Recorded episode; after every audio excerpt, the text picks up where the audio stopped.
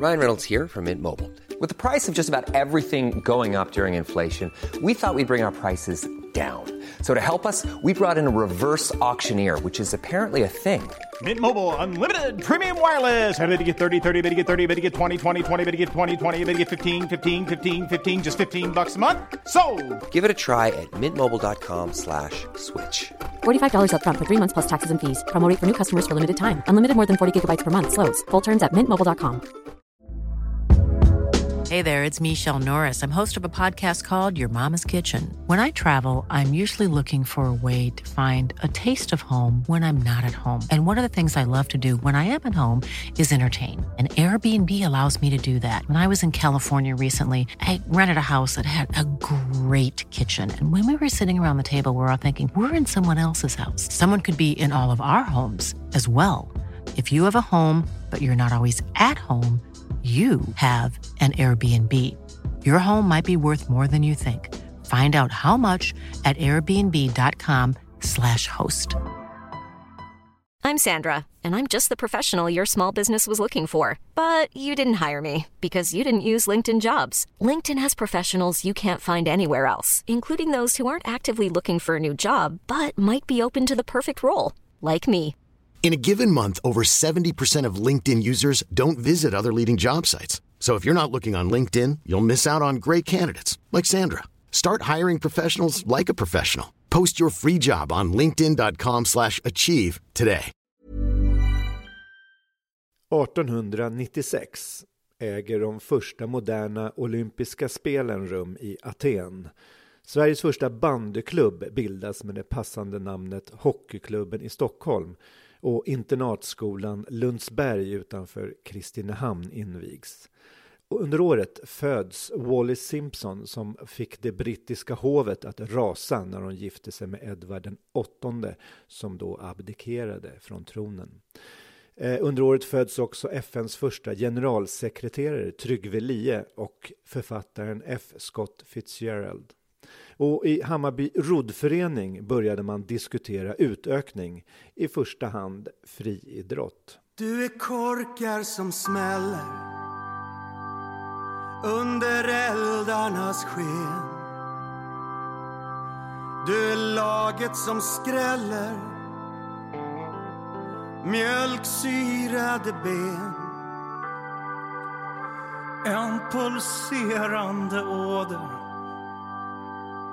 du är Götgatan i april Men i läget som råder eh, ja, hej! Här kommer ett nytt avsnitt i HIF-historia, Hammarby IFs historiska podd. Idag blir det mycket snack om gamla minnen i ett tema som vi ska köra några gånger. Eh, vi kallar det för kanalplan eller Gula villan. Därför har vi bjudit in två gäster som har mycket att berätta. Mångåriga ungdomsledaren Magnus Gunner, tjena mors. Tjena, tjena. Och materialförvaltaren som blev A-lagsspelare i Hammarby fotboll, Roald Ahlström. Tjena, tjena. Tjena mors. Eh, innan vi kör igång dagens tema så börjar vi med dagens år. Och det är alltså 1896. Då var det nämligen ett gäng unga herrar som idkade allmän idrott, alltså friidrott, på en plats nära Danvikstull som hette Lerbacken, men som också kallades Sopbacken. De tog kontakt med Hammarbyroddarna och ett samarbete kom snart igång. Redan på sommaren 1896 hade föreningen anmält deltagare till tävlingar i kulstötning, spjutkastning, höjdsprång, uthållighetslöpning och hastighetslöpning. Den 11 september beslutade föreningen att utöka verksamheten, bredda roddföreningen och även idka andra idrotter och ändra namn, vilket som bekant klubbades igenom den 7 mars 1897. Varför släppte man då in friidrotten? Ja, en anledning som eh, var att rekryteringen av nya medlemmar inte var tillräcklig, trots tillskottet under 1895. Det kan också hända att roddarna ville utöva flera sporter inom Hammarby. Det hade de ju redan gjort i form av dragkamp och möjligtvis bandy då, som vi pratade om tidigare. Var låg då den beryktade Lerbacken? Ett namn som lär ha kommit från den lerjord som fyllde bergssprickorna. Varför den också kallades Sopbacken kan man nästan gissa sig till. Jo, den låg strax efter Värmdövägen gjort en krök runt Danviks, Danviksberget, alltså berget med kvarnen som låg mittemot Hammarbys första båtbryggor. Närmare bestämt i östra delen av nuvarande Anders Franzéns park. Öster om konstgräsplanen och även öster om den skatepark som vetter mot Henriksdalsvägen. Där, lämpligt nog på samma plats som det nu ligger en sopsorteringsstation, där låg ja, sopbacken och lerbacken. Kolla upp Google Maps eh, så ser ni själva vad det är. Från 1896 och ungefär 20 år framåt hyrde föreningen Sickla Park där man ordnade fester, danser och servering och blev en, det blev en viktig inkomst för föreningen. Sickla Park ligger kvar ungefär på samma ställe eh, som Sickla Park ligger nu fast det såg väldigt annorlunda ut. Det var 1896 och eh, jag ska snart köra låt nummer ett och jag ska förklara alltså för våra två nya gäster att bland de hundratals Hammarbylåtar som finns, jag räknar till över 300, så vill jag att eh, på den här poddserien att vi ska köra alla dem. Och då blir det ganska många avsnitt, men å andra sidan är det många årtal som, eh, som är från 1889 till eh, ja, 2023. Då. Så eh, ja, vi kör den första och den är från 1907, oh, wow, kom den ifrån? 1981. Eh, och jag ska intressant om ni har hört den för den är inte så jättekänd.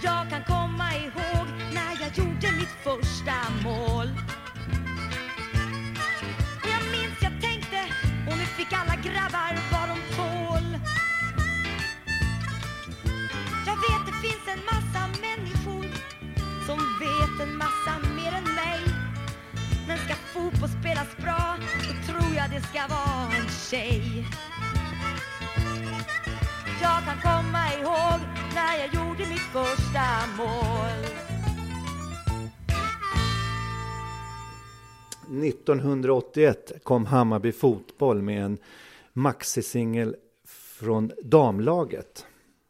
Eh, som en, eh, liksom, året innan hade ju herr med Lalla Hansson-låtar och sådär. Eh, Magnus, känner du igen den här? Ingenting. Hon hette alltså Marie Hedman och Mitt första mål hette låten. Och det var, det finns viss, det var fyra låtar tror jag på den här. Vi ska spela de andra. Och, och med Hammarbys damlag som kör. Inte just på den här låten då. Men, eh, så det var, det var en tema damfotboll. Eh, Roald, eh, har du hört den någonsin? Inte? Nej. Eh, då går vi över till, jo men 1896 sådär, eh, har ni någon, ni var ju inte med på den tiden någon av er, men eh, har ni någonting att tillägga? Magnus, idrottshistoriker. Nej, det enda jag kan minnas från den tiden, det var när vi städade här uppe på vinden där vi sitter nu. Då hittade vi en gammal cykel med ett jättestort framhjul och ett litet bakhjul. Vad den sen tog vägen vet jag. Men där sades att det här var bland det äldsta, plus att de här små srubbarna som låg var fullt med sådana här tivoli-grejer, för man hade tydligen på vintertid allmänhetens åkning och man tog entré in till idrottsplatsen. Så att det var väl det enda minnena jag har ifrån tidigt Hammarby som man kommer ihåg. Att det låg liksom prylar kvar i ja, huset? Ja, det alltså. låg alltså utrymmena som inte var bortstädade. I skrubbarna här. Okej. Okay. I skrubben här mitt vi sitter ju på vinden här i eh, styrelserummet. I en av skrubbarna, ja. som Magnus säger, så låg den här cykeln, stod där inne. Den tog vi ner ute på banan och cyklade på här ute, grabbarna. Okej. Okay. Och när var det här ungefär? Ja, det här som nu hände, det var väl 1955 kanske, okay. sånt där, omkring där. Eh, vi ska väl presentera er. Om jag börjar med Magnus. Eh, jag vet att du, Magnus Gunér, eh, du är en mångårig ungdomsledare som kom in för länge sedan i det här huset. Eh, dra en någon kort version av din historia. Ja, om jag tar historien till Hammarby så blev den att vi hade kvarterslag uppe i Blåsut och eh, spelade i Sankt Erikscupen och vi har en match nere på Tallkrogen i en semifinal. Och då ska Hammarby spela efter oss. Och då kommer Hammarbys eh, mångårige ledare Yngve Lindberg fram och säger killar, varför kommer inte ni att spela i Hammarby? Ni verkar ju kunna det här med fotboll också. Och det var i slutet av augusti, 3 september gjorde jag min entré i klubbhuset här och träffade då Stig Hanbrett och Yngve Lindberg. Och det var brorsan och jag och jag var 13 år då. Och 1959 var det alltså? Det var 1959 och då var det brorsan man ville värva och då sa jag att vi kommer aldrig till Hammarby om inte jag får egna lag. Och då var jag 13 år och då satt Yngve och Stickan och diskuterade lite och sen sa de okej, okay, vi startar väl något litet lag till dig också. Som du skulle leda och träna? Ja, alltså. leda eh, för dem. Varför blev du Hammarbyare från början då? Antagligen var det det att jag tittar tillbaka. Jag växte upp i Blåsut och eh, där såg man vintertid så sprang massa gamla gubbar i stora gröna träningsraller längs Nynäsvägen och runt upp på Johanneshov. Sedermera förstod ju jag när jag blev autografjägare runt 55 att det var ju Hammarbys fotbollskillar. Och de var så jädra villiga att skriva autografer så man blev nästan den vägen. Och då på något sätt så råkade jag hamna på en fotbollsmatch, om det var Hammarby, Norrby eller Hammarby, Västerås SK. 55, 56, det var första fotbollsmatchen jag såg.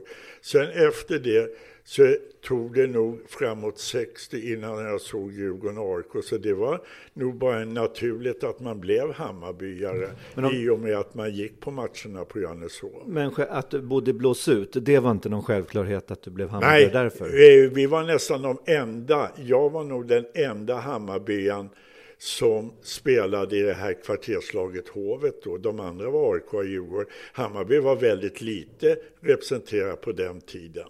Det, Mm. Eh, men du har, bara lite kort, vem du är i övrigt. Du hade en karriär, en annan en vuxen yrkeskarriär också. Eh. Ja, jag råkar vara på en av Sveriges största morgontidningar i 40 år.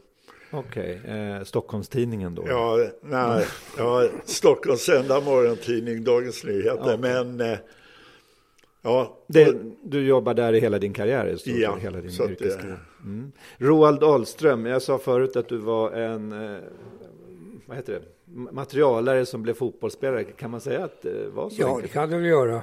Jag, jag växte upp här på Södermannagatan 64. Så jag gick här nere, farsan och jag gick ner här och tittade på Hammarby när de spelade på slutet på 40-talet. När Nacka var med och Jojje och Rolle Eriksson och dem.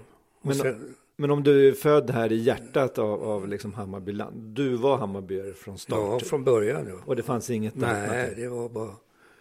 Sen, sen när man gick i plugget här då, om man tittar på ishockeymatcherna här, då, då fick man, ju här nere då. Skotta läktarna inför matcherna. Och vi hade 75 öre i timmen. Så vi, man kvittera ut lönen här nere ibland. Då fick man ju kanske en 18-20 spänn. Det var ju mycket på den tiden. Och på den vägen var det ju då. Man gick och Men har du spe, spelat eh, i olika sporter i Hammarby sedan du var liten eller? Också? Ja, jag var i fotboll då bara. Lite grann, lite bandy spelade man ju så här ibland. Juniorlaget var med. Ja, och sen... Vi började då jag spelade AT-cupen. 50... 53 började jag i Hammarby spela AT-cupen. Sen, ja, sen var det på väg hela vägen upp då. Till 64. Jag kom med i A-laget 61. Det är två år där. Så att jag har bara varit i Hammarby för mig.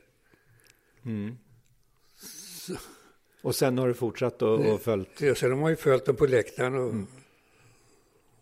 med polare och grejer. Så att, Men eh, när du kom hit, eh, vad har du för minnen av de här äldre som var här då? då? De, de som ni var, i, dina idoler om man säger så. ja, det var ju, det var ju Nacka då, vet du, och Rolle Eriksson och Plutten och Hogge de här. Var det någon du lärde känna själv? Ja, som, som materialare kände man ju Plutten mycket väl och, och Acke Eriksson de här. Och, I vilka sporter var du materialare? det var ishockeyn. Okej. Så jag var ju med i, fotbollen var man ju mycket här nere och helt i Örby. Och packade trunkarna och åk- åkte till matcherna i taxi. Och Vem var Örby? det var han var ju materialförvaltare för A-laget i fotboll, bandy och ishockey. Och hette? Erik Karlsson, Örby, bodde på Östgötagatan. Varför kallades han Örby om man nu bodde Ja, det vet jag inte om han, om han eh, var det kom Örby ifrån. Ja, om jag hoppar in där så enligt honom själv så blev han kallad Örby för han var sprinter i Hammarby friidrott och utlokaliserades två säsonger till Örby IS och då fick han smeknamnet Örby Karlsson av de här eh, gubbarna som var kvar. Så det räckte med att man bara var någonstans ett tag så var det inte samma sak med Nacka och hans storebror?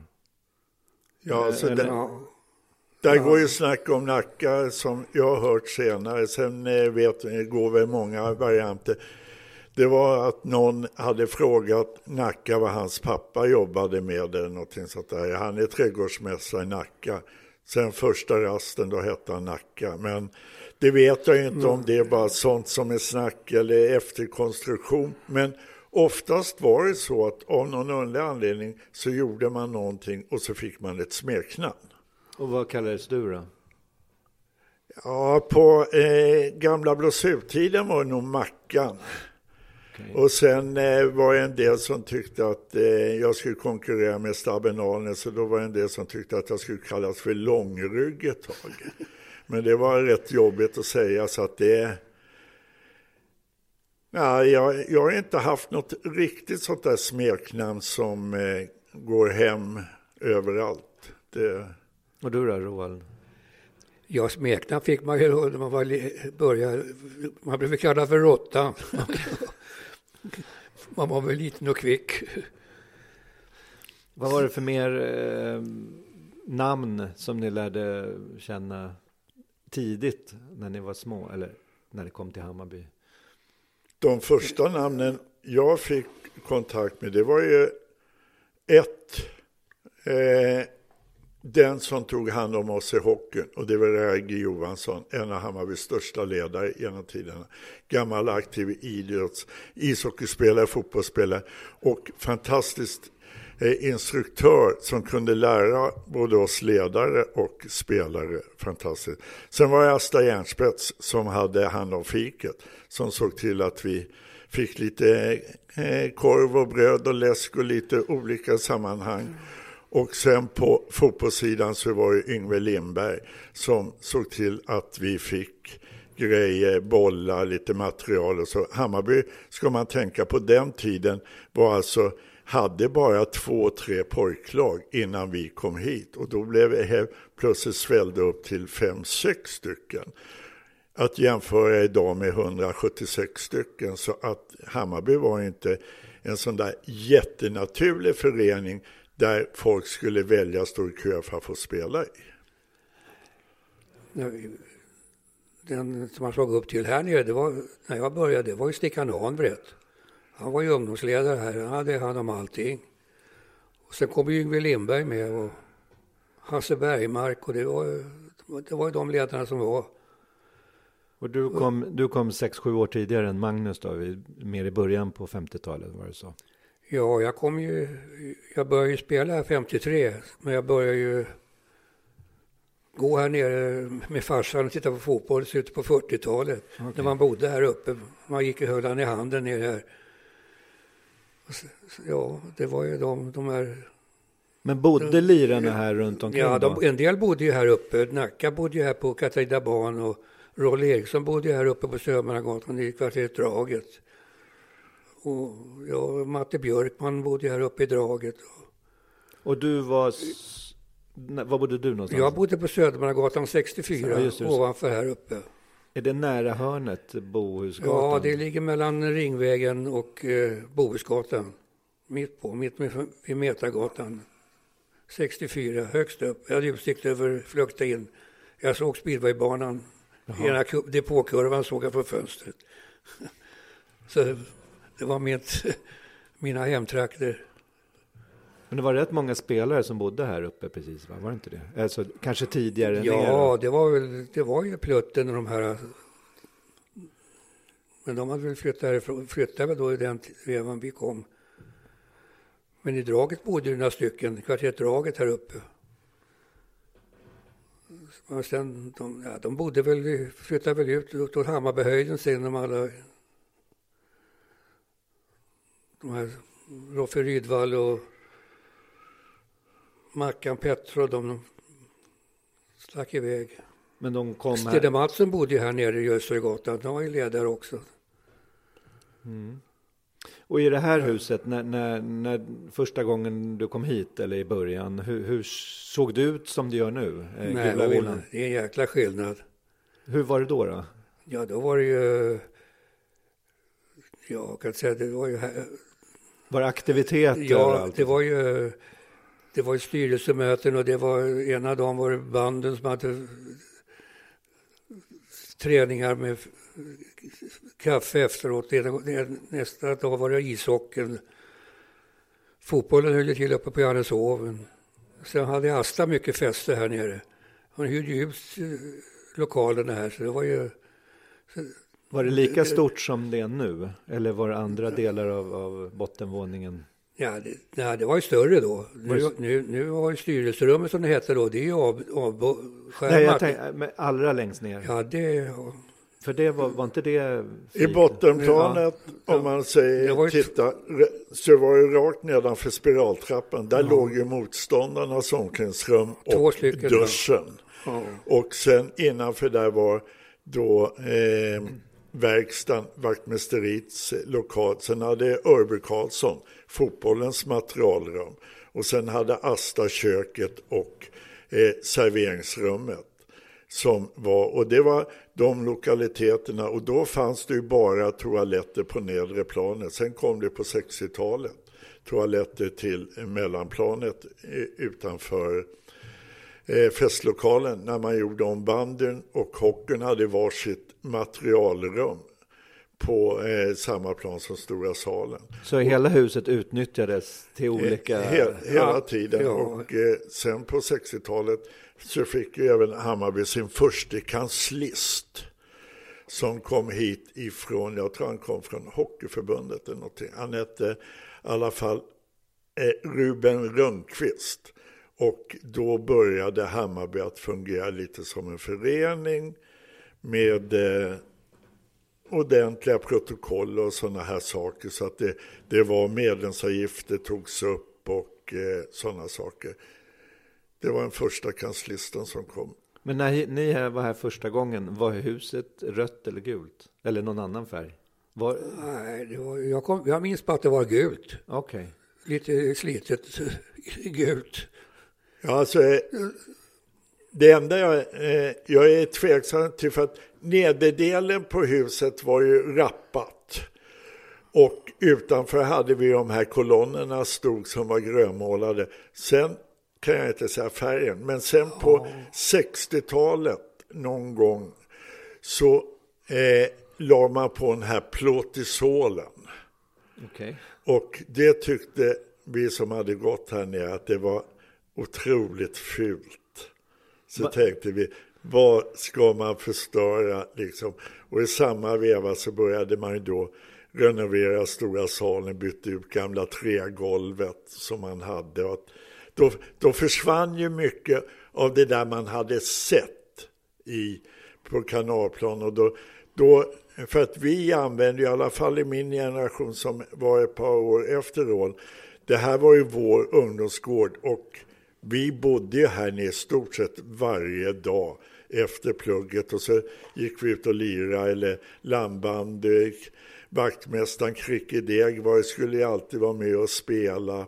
Och, så att det här var ju som vi sa en jättebra ungdomsgård för oss killar och det var ju inte alltid så populärt att det sågs oss att åka ner efter en Råsunda-match och ut och lira på gräsplan i fyra, fem timmar eller polisen kommer ner någon lördag natt och säger till att vi inte får ha belysningen tänd på hockeybanan klockan tre på natten för då var det allmänhetens åkning med massa olika eh, hockeylirare polare och den ena och den andra. Så att folk samlades här nere och det var ju också här då man träffade sen efter ett par år väldigt många av de här gamla spelarna som besökte Asta eh, och kaféet lite då och då.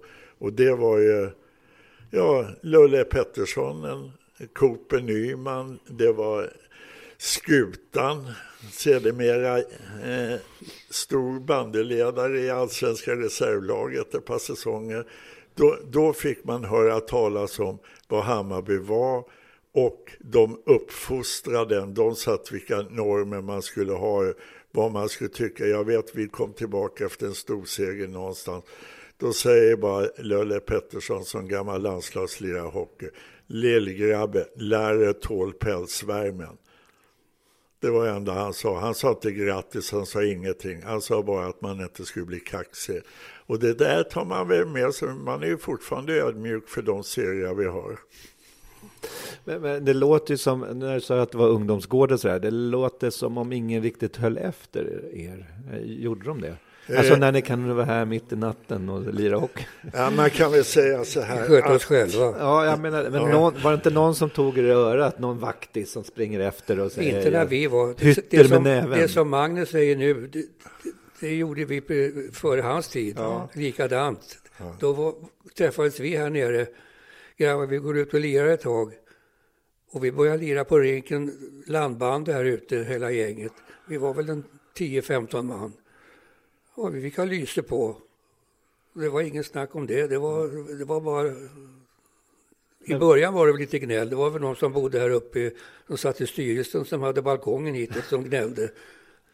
Men, Så, men, och ringde till Örby, så Örby gick ner och släckte lyset. Men det snackade vi bort sen, så det blev, körde nästa dag igen. Så det var aldrig något problem. men det fanns inte så här barska vaktmästare som, som kom och som liksom, eh, nej, här får det- ni inte nej, vara? Nej, nej, de hade gått hem för dagen. Okej. När de stack, då stack vi ut på banan. Okej. Det var gamla tider när Jocke Ström var... Ja, jag har hört talas om, eh, men det var tidigare. När var det då, ungefär? Ja, det var på slutet på 40-talet okay. när, när, när, vi, när vi plankade in här. När man knappt hade börjat plugget. Då, då, var det, då var det fotboll här på dagarna. Det var sån korpfotboll här nere. Och då var det, satt, satt de upp, folk uppe i spärren och tog betalt 30 öre. Så vi gick ner här på skolgården och skulle planka in. Men då fick man en smäll på händerna av Jocke Ström, slog med sopkvasten på insidan. Grabbar, vi sticker till andra sidan. Stack vi runt, men han var där igen. Det var roliga tider. Har du också plankat in här eller haft någon anledning att planka in? Ja, vid ett tillfälle, och det var ett väldigt tragiskt tillfälle. Det var så att eh, vi hade tränat fotboll en kväll och sen skulle vi träna dagen efter. Och då är hela idrottsplatsen stängd. Och jag förstod ingenting. Och vi, vi hade ju då ett, eh, mellan trapporna här så kunde man hoppa in ifrån skolan. Och då kom vi in och då kom ju polisen. Då hade ju en ung kille eh, blivit mördad här nere och hittad på idrottsplatsen. Så att det var väl enda gången jag plankade in och eh, det var inte så kul för han hade varit med och tränat med oss dagen innan. Eh, så, så att det, det, är enda gången vi har behövt att planka in på idrottsplatsen. Däremot har vi plankat in i huset Jaha. många gånger. För Nyman tyckte inte alltid att det var bra att det var så att så länge Asta var här och hade servering och fester och så, då var det lätt att vara kvar. Men sen ibland så ville vi kanske sitta och spela kort längre. Eh, och så. Men eh, det var väl ibland kom det några ledare runt och tittade att inga A-lagsspelare satt kvar och spelade kort kanske på lördagkväll om man skulle spela på söndagen eller så. Men eh, annars eh, var det relativt eh, tryggt att vara här nere. Och, de flesta föräldrar var väldigt trygga med att vi var här. Ja, så det, ja. så det, var, det var, gick städat till, eller? Ja, alltså vi, 90 procent av det vi höll på med här nere var idrott. Men det lämnar ju en fasansfull 10 procent kvar där för, åt ofog. Nej, alltså jag kan inte tänka mig mest att det var en och annan som kanske smög ner som hade fixat någon brallis eller någonting sånt här. Och eh, hade tillhåll för att där vi sitter nu i detta pampiga rum var ju det som kallas för brottavinden och här låg brottamattor och här låg både rena och andra träningsutrustning och så. Här skulle vi kunna kanske komma och spela en hockeymatch 9.00 på Kanalplan söndag morgon, kommer upp på vinden och det ligger x antal personer kanske och vilar ut lite eller så. Så att eh, någonting mer än de där 90 procent kanske klubbhuset användes till vet inte jag vad de gjorde men Roald kanske vet som var äldre. Ja, det hände väl som du säger att det var, att det var så någon gång. Att, vi, att det var alltid de som drog upp hit och... Ja. Men vi gick man ner till Asta först och fick, tog upp en bricka med lite kaffe, så det var ju städat. Det var ju mm. inga holmgångar, utan det var... Det var inga fylleslag? Nej, det var absolut Nej. inte så. Och, uh, och, här uppe eh, var det högtalaranläggning och grammofon. Den, den spelade jag på hockeymatcherna i perioderna. Så det var här uppe det sköttes ifrån? Ja, i bortre holken. Bort, bortre holken, där hade de grammofon. Den, ja. Och där gick man då, när det var hockeymatcher, då gick man och ringde till Östermalms idrottsplats här nere och frågade hur stor mellan Göta och Leksand kanske spelade. Och stod det 2-0. Då gick man upp och så ropade man i högtalaren resultatet till publiken. Och så skötte, spelade man eh, en grammofonskiva då. Det var en stenkaka. Det var Tore Bernhards med Mjölnans syrén. Och så vände man på den, det var det Vildandens sång. Det var de man hade. Så, var, så var, började man på lira igen. Vi ska, vi ska spela några... Jag är gammal, man kommer inte ihåg så mycket. Jag, jag, jag, tror jag klipper in dem så man får en känsla för vad det var för eh, fina bitar som ni drog under hockeymatcherna.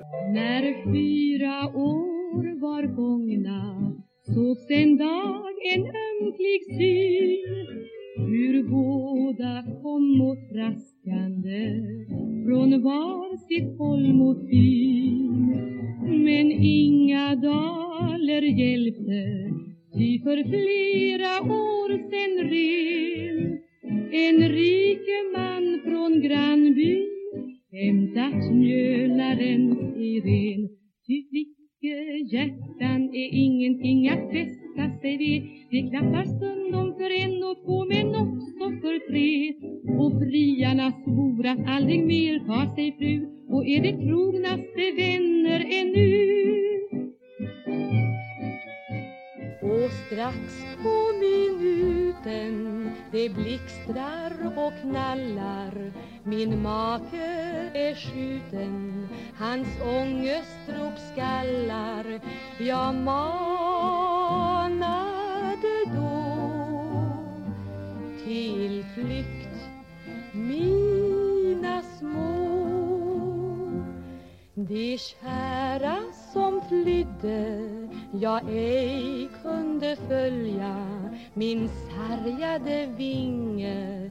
Jag ej kunde dölja i djupet jag dök.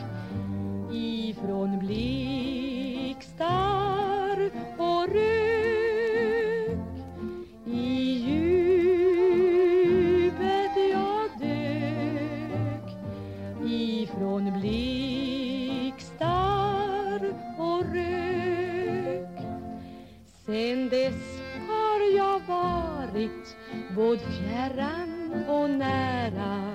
runt sjöarna farit och sökt mina kära men aldrig ändå har jag mött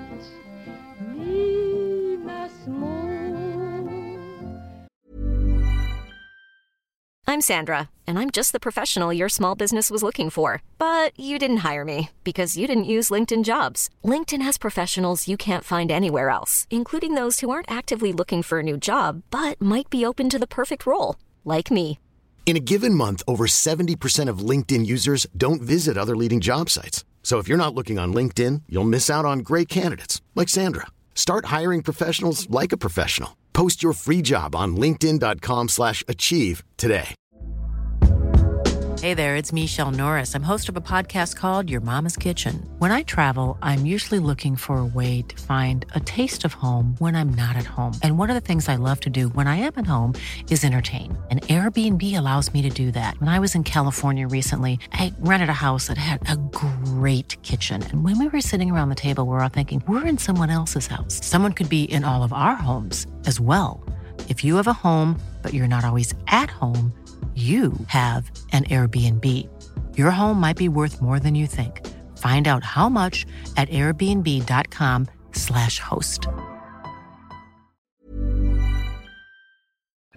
När det var gräs här, alltså egentligen, fick ni verkligen spela hur som helst där nere på planen? Alltså, när det Eh, var- Alla våra hemmamatcher i juniorserier och väldigt eh, vanligt i Sankt Erikscupen så hade, eh, när vi kallade det som hemmalag, då spelade vi allt det här. Sen var väldigt vanligt på 50 och 60-talet att gästande föreningar från landsorten kom och skulle titta på någon A-lagsmatch i fotboll och då hade de kanske med sig två, tre pojklag. Och då spelade vi alltid här nere på kanalplan innan och sen bjöd Hammarby motståndarlaget på biljetter på Johanneshov. Så att eh, vi eh, utnyttjade eh, plan väldigt mycket här. Därav var att vi hade inget gräs i de så kallade straffområdena knappt. Jag tänkte just att det måste slita väldigt mycket på... Väldigt slitage. Så att när vi körde två mål på träningar då lirade vi ofta ner mot Forsfoder. För hönsfabriken blåste över så där hade vi en fantastisk gräsplan. Då får du berätta vad det är. Eh, eh, Forsfoder var ju som gjorde någon sån här konstgödning och vindarna har ju alltid dragit ifrån kanalen och upp mot eh, kanalplan här. Så det gjorde ju att den bortre delen av plan var ju fantastisk gräs. Och gödslad. Så, så där slogs ju alla om att vara. Eh, för att resten var ju i stort sett väldigt eh, mycket öppna lerfläckar runt straffområdet. Och det spelade ingen roll. Sen konstaterar man varför vi inte fick någon riktig gräsplan. Det är för att det här ligger tydligen på en gammal soptipp. För att det bara rann rakt igenom, för det upptäckte vi när vi eh, fick översvämningar vid något tillfälle. Satte vi med, ner ett spett bara tillräckligt så försvann ju allt vatten. Så att det var där antagligen, jag har aldrig varit med om att vi haft vattenpölar på den här planen. Okej, men det, kan, ja, det kanske berget, ja, någonting som, att det rinner undan på något Ja. sätt. Eh, ja, n- när de byggde eh, Hammarby idrottsplats, de första, jag vet inte hur många år, så det stod i tidningen ofta att, att alltså planen sluttade ju eh, åt ena hållet, jag tror neråt kanalen. Är, är det någonting som fanns kvar på 60-talet? Eller, eller hade de fixat det då? Det var att fixa, för det känner jag inte till. Ni har inte hört Nej, talas om att, att det nej. var bättre i ena halvlek? Jag vet inte hur, om det märktes så mycket. Det var kur kurvorna hade de tagit till speedwaybana, så det var ju, det var ju kolstubb ut på... Just det, det var inte gräs ute i Nej, kanten. då, det- då kom man ut till kolstubben och lirade ett tag. Hörnorna gick ju alltid från kolstubben och in. Ja, så att den här speedwaybanan Ja. gick, eh, skär, Ja. skar av hörnen. Ja. Ja, De, det- de snodde en 10-12 centimeter varje år. Så att sista året, 67-68 här, har jag för mig var, då låg strafflinjen precis där kolstuben eh, slutade eller började. Så gräset gick hela den vägen utanför straffområdet till hörnflaggan. Det var kolstub. Så att, eh, och eh, problemen var ju när hörnet skulle slås här nere att eh, speedwaybelysningen, kåporna över speedwaybanan hängde ju i vägen så de blev ju ofta träffade vid hörninläggen. Inläggen. Men under den perioden som speedwayen höll till här så var det väl inte några jättestora matcher va? Eh, För då A-laget spelade väl på Johanneshov eller någon annanstans eller stadion? Det var, det var aldrig några stora matcher här nere i fotboll. Nej, inte under dem. Nej. så att det spelade inte kanske så stor roll att, Nej, nej, att det det var var speedwayplan. Eller? Upp till A-juniorer spelade vi här. Juniorerna och pojklag, pojklag Ja. juniorlag. Och, De kanske inte räknades lika mycket. Ni fick spela på speedwayplan eller banan. Ja, alltså vi var ju glada att vi hade tillgången att kunna i stort sett träna när vi ville. I förhållande till de andra klubbarna som var tvungna att hyra in sig på kommunsplaner. Så att, eh, och sen var det inte bra eller vi var för många gäng, ja då gick vi ner i Bleckanparken och körde lite gräs där och så vidare. Så att eh, vi, vi hade be, relativt bekymmersfritt eh, som växte upp här nere som pojkar på hela 60-talet som jag var aktiv var ju en drömperiod egentligen. Eh, Och det gäller väl er båda att, att ni spelade och hade era lag mest på gräs? Väl? Eller fick ni också spela på massa grusplaner? Jag menar eftersom ni hade Hammarby IP och liksom. Och... Nej, här nere fick man ju spela matcherna i juniorlaget lirade jag här nere. När jag spelade pojklag och juniorlag spelade jag här. Träning gjorde vi här jämt. Mm. Och då slapp ni grus alltså? Alltså sjumannaplaner, alla sjumannaplaner. Men sen var det ju så att man uppdelade sig geografiskt i de här olika serierna. Så att de flesta förortslagen, de hade ju samplaner. Så vi var ju och spelade i Kärrtorp, Bagarmossen, Hammarbyhöjden, Eriksdal och så vidare. Så att det, det var våra hemmamatcher. De flesta bortamatcherna, om man inte hamnade utanför kommun, de gick på samplaner. Mm. Men era hemma var Ja, nå- någon slags gräs i alla fall? Vi alltså, ja, vi, Så det var väl lyxigt? vi spelade ju hellre här en pojkallsvensk match än att eh, lira på någon halvdan plan ute. Det var ju alltid så. Det var- Det var värst man visste när man kom och skulle spela borta. Och hoppas det inte, hoppas det inte är samplan. Man kommer väl att lira Eriksdals, Eriksdalsplan och, och Höga Lid där nere. Det, det var ju bara grus. Så här nere trivs man ju bäst. Det fanns ju bra grusplaner också ibland kanske? Ja, det var, det var väl... planerna var det väl inget fel på, men du vet, de var ju van vid, vid gräs. Det var ju alltid... Men vad, vad säger om plast då? Är det, är det liksom helt förkastligt? Jag har ju aldrig varit Jag ute på de här med. nya banorna. Jag vet, vi spelade vid några tillfällen på de här Råsunda kommunala som var en av de första så kallade konstgräsplanerna. Och det blev ju annorlunda och det blev en väldigt stor skillnad på de som var vana att spela och de som kom dit bara vid enstaka tillfällen. Men jag, är, jag tycker fortfarande att fotboll ska spelas på gräs. Det tror jag de flesta håller med om faktiskt. Eh, Ja. ändå. Eh, ni pratade förut, innan vi körde igång här, så, så pratade ni lite om eh, vilka bollar ni använde er av eh, som unga. Eh, kan ni berätta lite, vad var det för typ av fotbollar som ni körde med? Nej, jag minns ju inte. Det var inte så märkvärdiga bollar. Det var väl sådana här... Ja, det var ju läderbollar bara som rullade ut här nere. Man, jag minns... Eh, Örby hade, man fick, man fick lite bollar som A-lag hade haft att spela med. Det var de här tigerbollen, minns jag bara vad det hette. Men de var rätt tunga va? Eller? Ja, det var de ju. De blev ju tunga, det var de. Skillnad mot nu, det går inte att jämföra. Var de här med snörning? Det var snörningar och grejer. Fick Ja, man det- en snörning i, i, i pannan så gjorde det ont. Ja, den första, vi fick ju en boll då när vi kom hit för att vi hade ju ett par matcher kvar i gamla föreningen och då fick vi en sliten Nagu som man sa på den tiden, Notch, en boll, en 18 fältare och den var ju fantastiskt bra eh, så länge. Men sen när den började bli sliten och det blev ju problemet att Eh, vid de där tillfällena så hade man ju ofta inte tillgång till mindre bollar utan även när man var 10-12 år och spelade sjumannafotboll så fick man spela med en sån här stor boll. Och det värsta var ju dessutom om det blev regn, då blev de tunga som var slitna. I början så var det jätteperfekt att spela med en sån där boll. Men det var ju gudabenådat för att vi hade ju spelat mycket parkfotboll och då hade man fortfarande snörning på bollen. Och det var inget kul som Roald sa. Fick man den där i, i pannan eller något så kunde det bli ett eller två stygn. Och de var tunga. Det var som gamla slungbollar tjejerna hade. Det var ingen känsla i dem. Och vad hände Man, då? man, man vågar ju inte nicka. Men om man nu hade en hörna i en regnig match, fick, fick man upp, lyckades man få in bollen framför mål ens? Ja, alltså, det blev ju så här att eh, det där har man ju suttit och tittat på. Det är konstigt. Det har alltid funnits tillräckligt kompetenta fotbollsspelare oavsett ålder som har en sån stöt på bollen så de fick in dem till straffpunkten.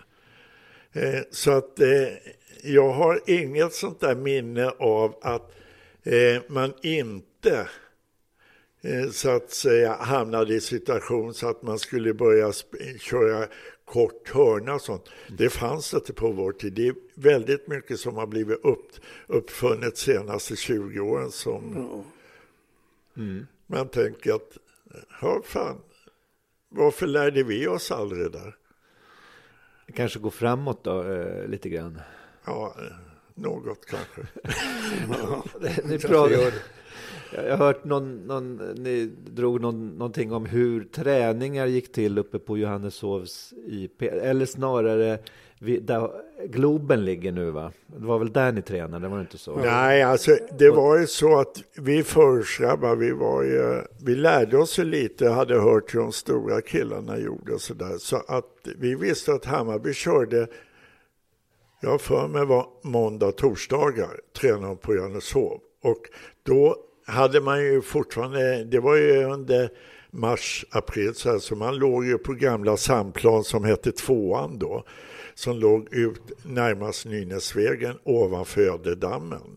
Och då låg vi på kanten och tittade på och då var det sådana här fashionabla spelare som kunde skjuta höjdare som Hinken Holmberg bland annat var bra och några till. Så de sköt ju över staketet och ner mot dammen och då var ju vi smågrabbar där och då upptäckte man ju helt plötsligt så var man hemma med en boll. Och det var så jag fick min första fotboll och sen hade man jättesvårt att säga när föräldrarna frågade var man hade fått bollen ifrån. Så sa ja men det är Pelles boll och den gick runt i. Men vår första boll hemma på gården, den kom ifrån en träning uppe på Johannesholm. Nu är det preskriberat tror jag för att jag har nog tagit tillräckligt med bollar tillbaka. Så att... ja, ja.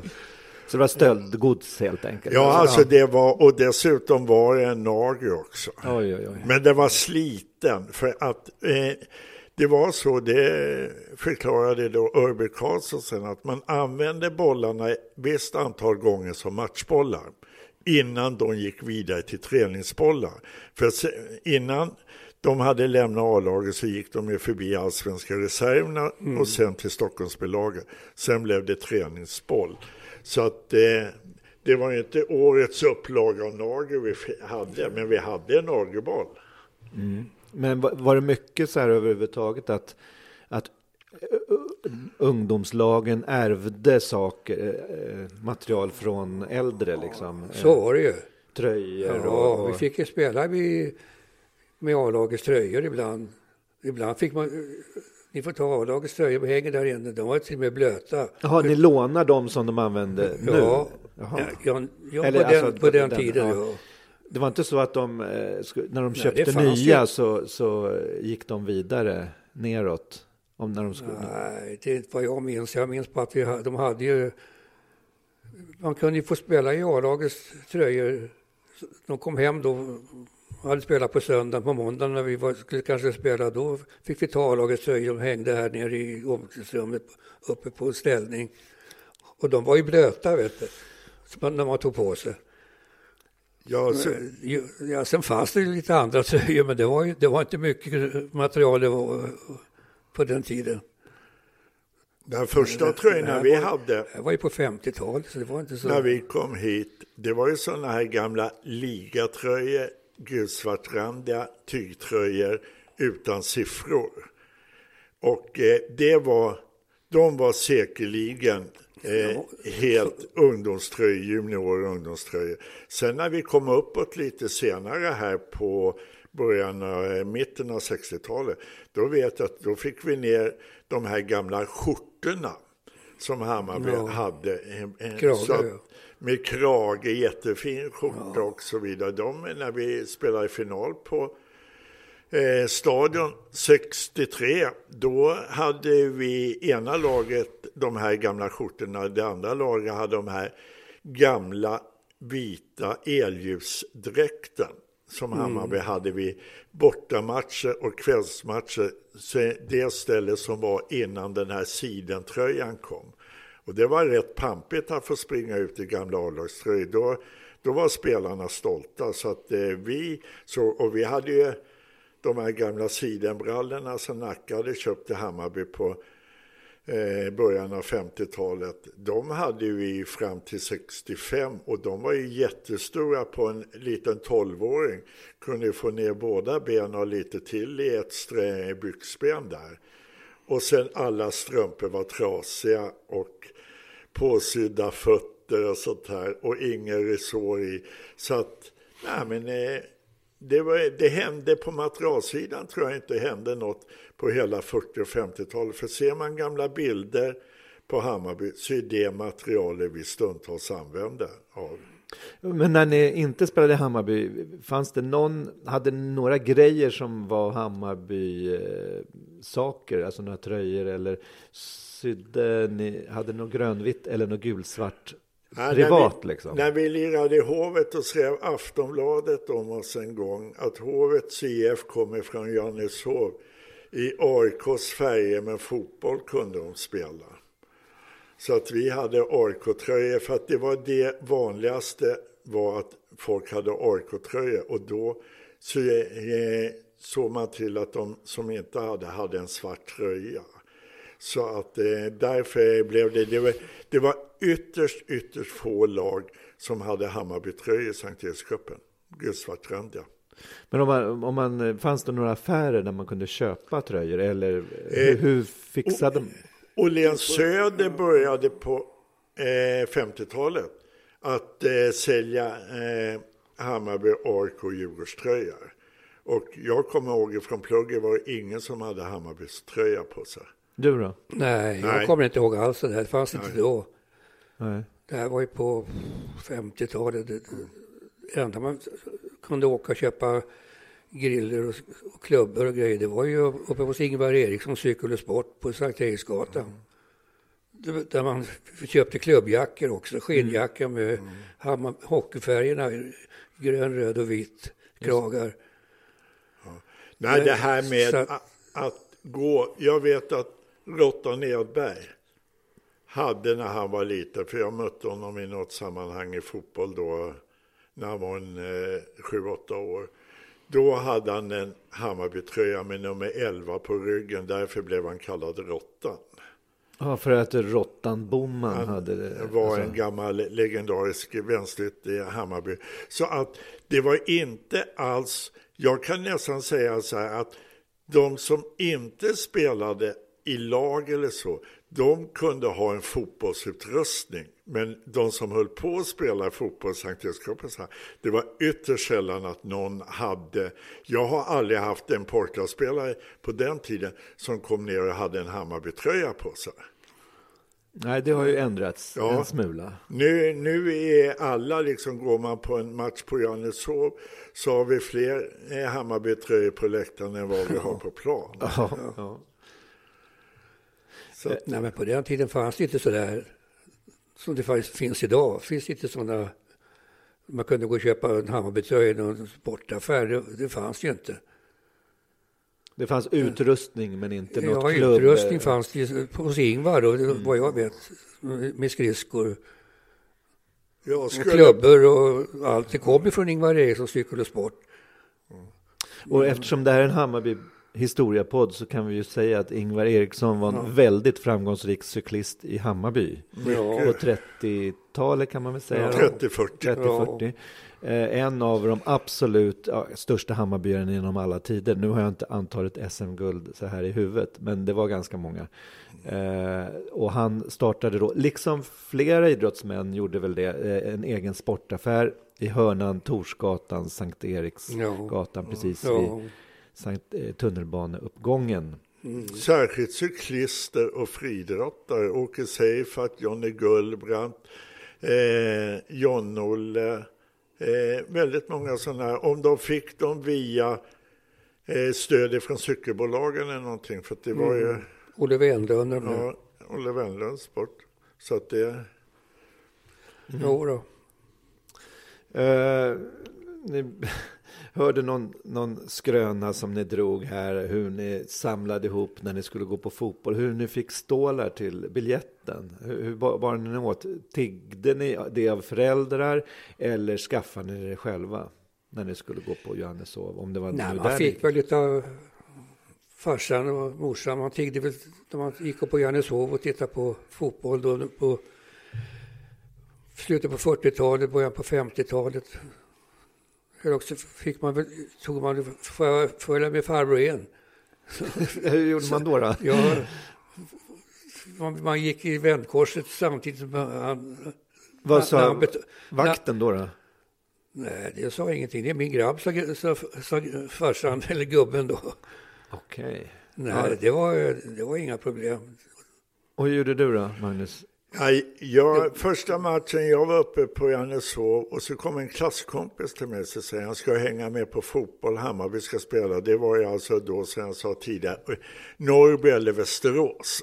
Och jag sa, jag har inga pengar. Nej, men du får låna en spänn av mig, säger han. Och då kostar det en spänn att gå in. Så vi gick in och han hade en väska med sig. Så att när det började bli dags för paus så tog han ett litet varv och så plockade han tomglas. Och jag som redan också hade fältgeni sådär, nästa match jag kom, då hade jag med mig en väska också. Så att jag plockade varje gång sju tomglas, gick ner till kiosken i Blåshult, en femöls Dixie-cola, så fick jag en spänn tillbaka. Så då hade jag till nästa Hammarby-match. Och så finansierade jag i stort sett mina matcher ända tills jag kom Eh, in i Hammarby 59. Då fick vi eh, fribiljetter ifrån eh, så. Men eh, två, tre säsonger samlade man eh, tonglas och eh, det gjorde ju även lagen för att sen eh, skaffa lite utrustning. Så, men jag tyckte det var jätteenkelt för att jag slapp att eh, tjata och be om att få pengar. Jag gick, hade den där spännen, sparade och sen var det nästa match. Om, för att få ordning på matematiken så gissar jag att man fick 15 öre för Man fick 15 öre för ett tonglas och det där sprack väl när man sänkte returpanten på flaskor till 5 öre. Gick det ner för att då upptäckte jag att det var inga längre som samlade tonglas på läktaren. För att det var ju alltså väldigt vanligt att ungdomen gjorde som här på speedway och sånt där, sprang och samlade. För att de fick ihop till lite godis och så. En del ställen, jag har för mig att vi en stundtals när man sålde eh, korv och det borta i speedwaykiosken, att vi även lämnade tillbaka pant. Så här, men eh, det har alltid varit ett sätt för ungdomen att få lite pengar. Men så du var här under speedway-matcher också? Jag var här och jobbade åt Asta Järnspets och Astas man Rymne och jag. Vi stod sista fem säsongerna i kiosken eh, bort mot eh, Blecktornsparken i den hörnan. Och vi tyckte det var väldigt konstigt att det var så mycket äldre herrar som köpte dricka. De skulle ha klubbsoda och de skulle ha lite sorter och det där förstod vi inte riktigt. Men eh, sen efteråt så sa Rune, jo, de spetsar nog eh, klubbsodan lite. Så, så det var medhavd eh, de, eh, Det var inte samma rigorösa kontroller att komma in på kanalplan som det är idag. Alltså jag har ju läst om referat efter Råsunda-derbyn och det var ändå på 70-talet då att, att det var tusentals flaskor kan det ha varit så? Alltså att äh, det var inte bara sprit, men, men alltså det var hur mycket som helst. Och, och att det funkade inte när folk började langa ner dem. Det, det blir lite farligt då liksom. Ja, det, det jag vet, om man gick på de här otrevliga toaletterna som fanns på Råsunda, man gick ut ifrån nedre läktaren och sen ner en halvtrappa, sen in. Där fanns det väldigt mycket tonglas i den här urinrännan. Okay. Och eh, där innebar det tydligen att eh, om det var så att gubbarna hade tömt fickorna bara eller så här. Men jag såg vid ett tillfälle blev det bråk, om det var Hammarby AIK eller Hammarby Djurgården, mellan en djurgårdare och en Hammarbyare. De var i alla fall från olika läger.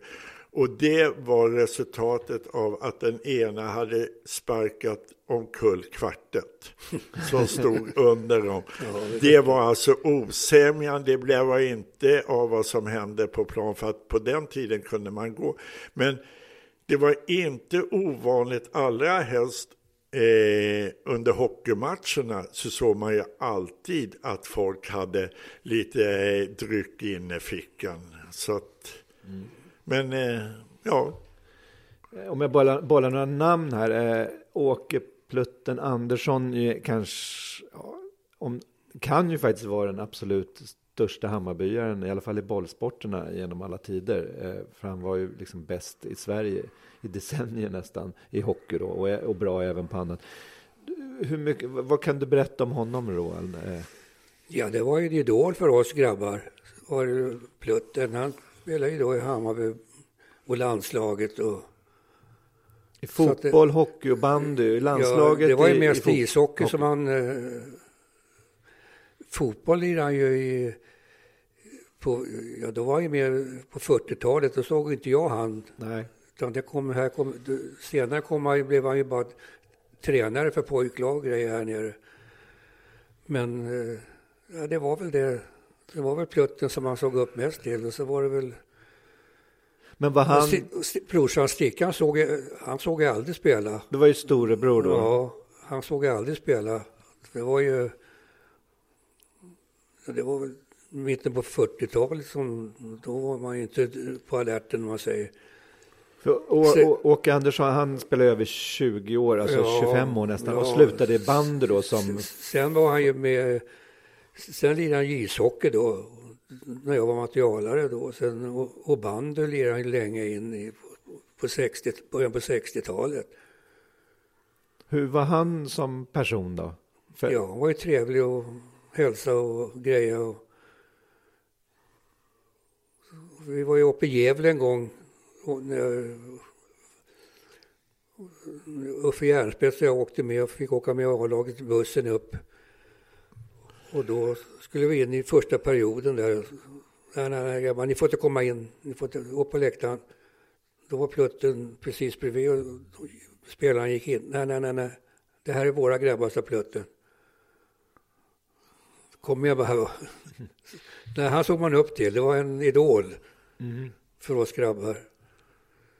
Fanns det någon annan? Och ja, så var ju Lulle Pettersson och Hasse Hjelm och Mackan var ju väldigt bra också. Bror Lulle Pettersson? Ja, bror, bror Gunnar. Rolf Mackan ja, Rolf Pettersson. Mackan Pettersson. Det var väl de man hade.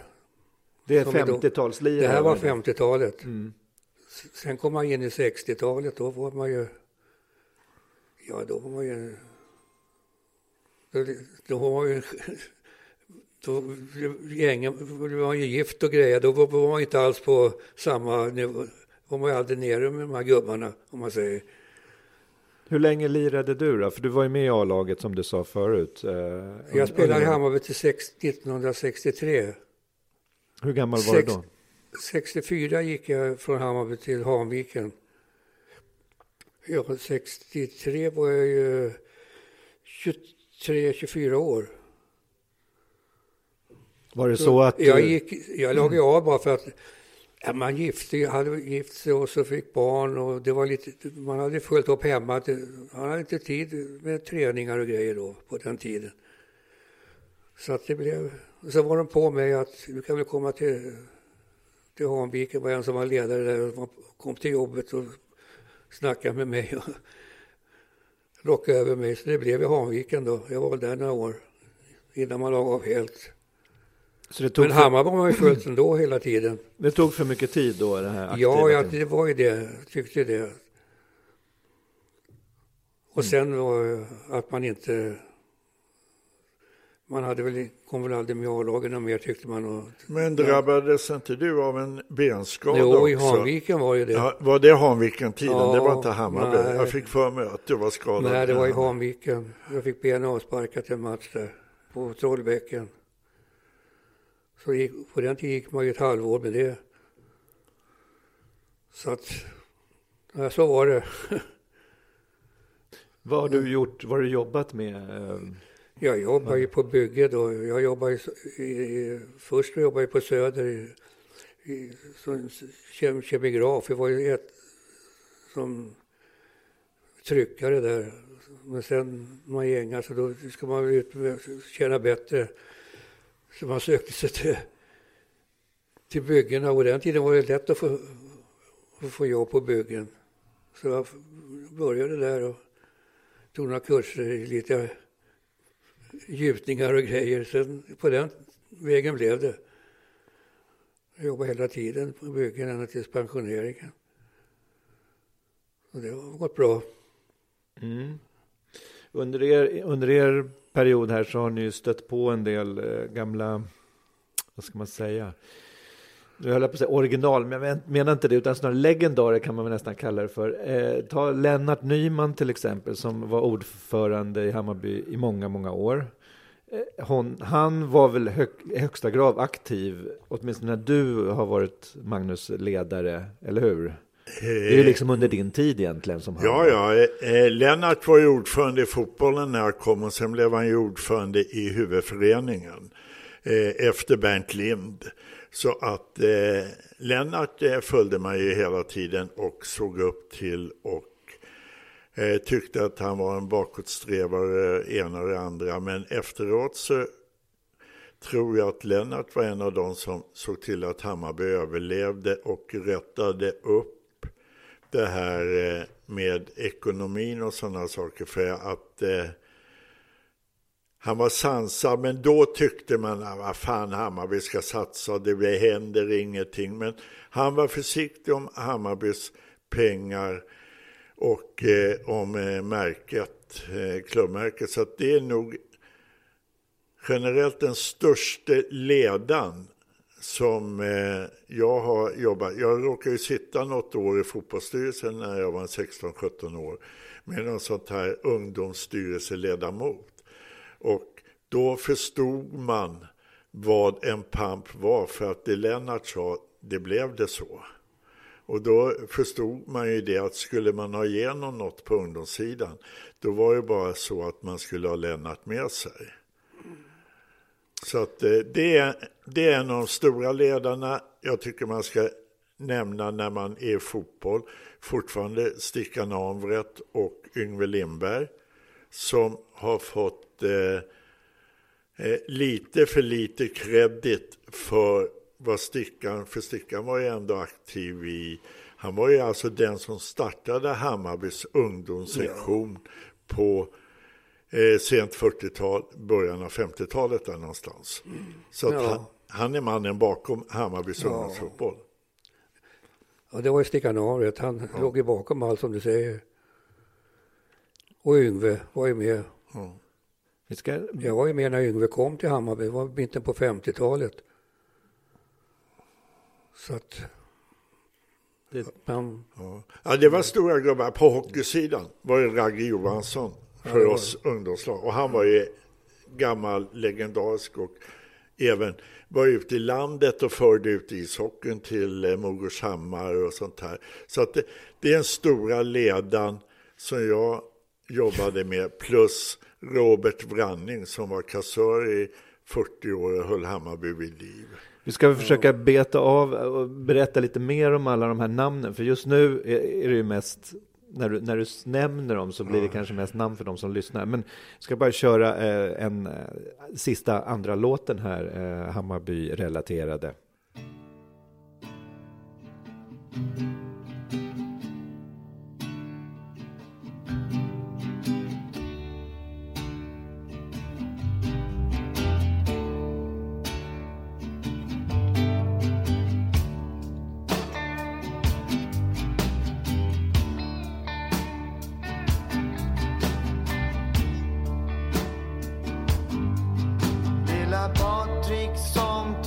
Ryssland går.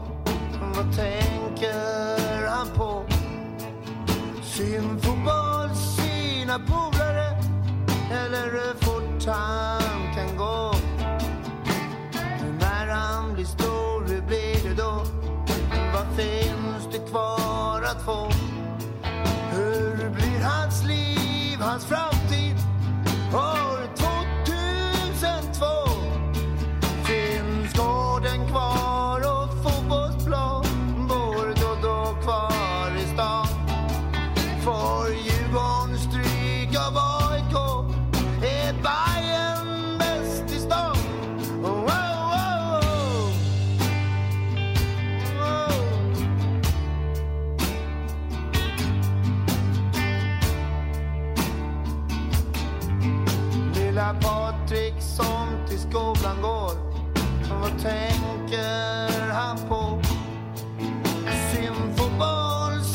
sina polare eller hur fort han kan gå. Men när han blir stor, hur blir det då? Men vad finns det kvar att få? Hur blir hans liv, hans framtid? År 2002 har oljan slutat flöda. Är kärnkraften allt som kan fås? Eller får du tjacka trampil? Eller sitter du bakom låset?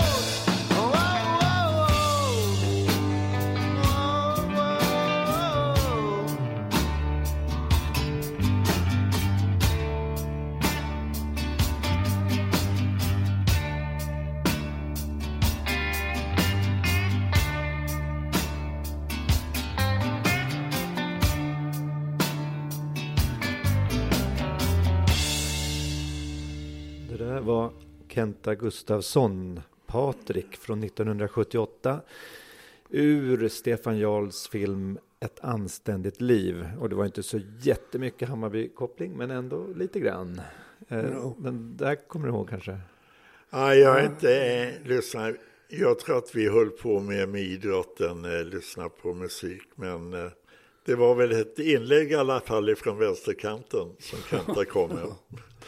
Kanske det. Eh, jag ska knyta ihop där. Jag märker det, alltså, man, man, man skrapar ju bara lite på ytan. Vi får sitta här flera gånger och, och liksom Det, behöv, det behövs. Ja, för det, kom, det kommer ofta fram så här historier när man väl sitter eh, lite lugnt. Men för nu så, eh, så får jag tacka er att ni kom hit. Eh, Roald Ahlström, eh, tack så mycket. Tack själv. Och eh, Magnus... Vad kul att komma hit. Ja, du får väl komma flera gånger. Magnus Gunner, eh, jag misstänker att du också kanske kommer flera gånger. För jag vet att det finns många olika grejer du, har, du kan berätta om. Det här var ju bara lite så här... Det var bara på ytan. Ja, lite, lite så här. Allt möjligt. Ja, det går ju inte att avslöja alla ungdomssynder på en gång. Nej, du, du får verkligen spara. Jag vill ha lite mer ungdomssynder nästa gång. Eller vad Då, säger då du? får vi ta micken på. Ja, men det är väl det den ska vara. Okej. Ja, tack själv. Tjena mors.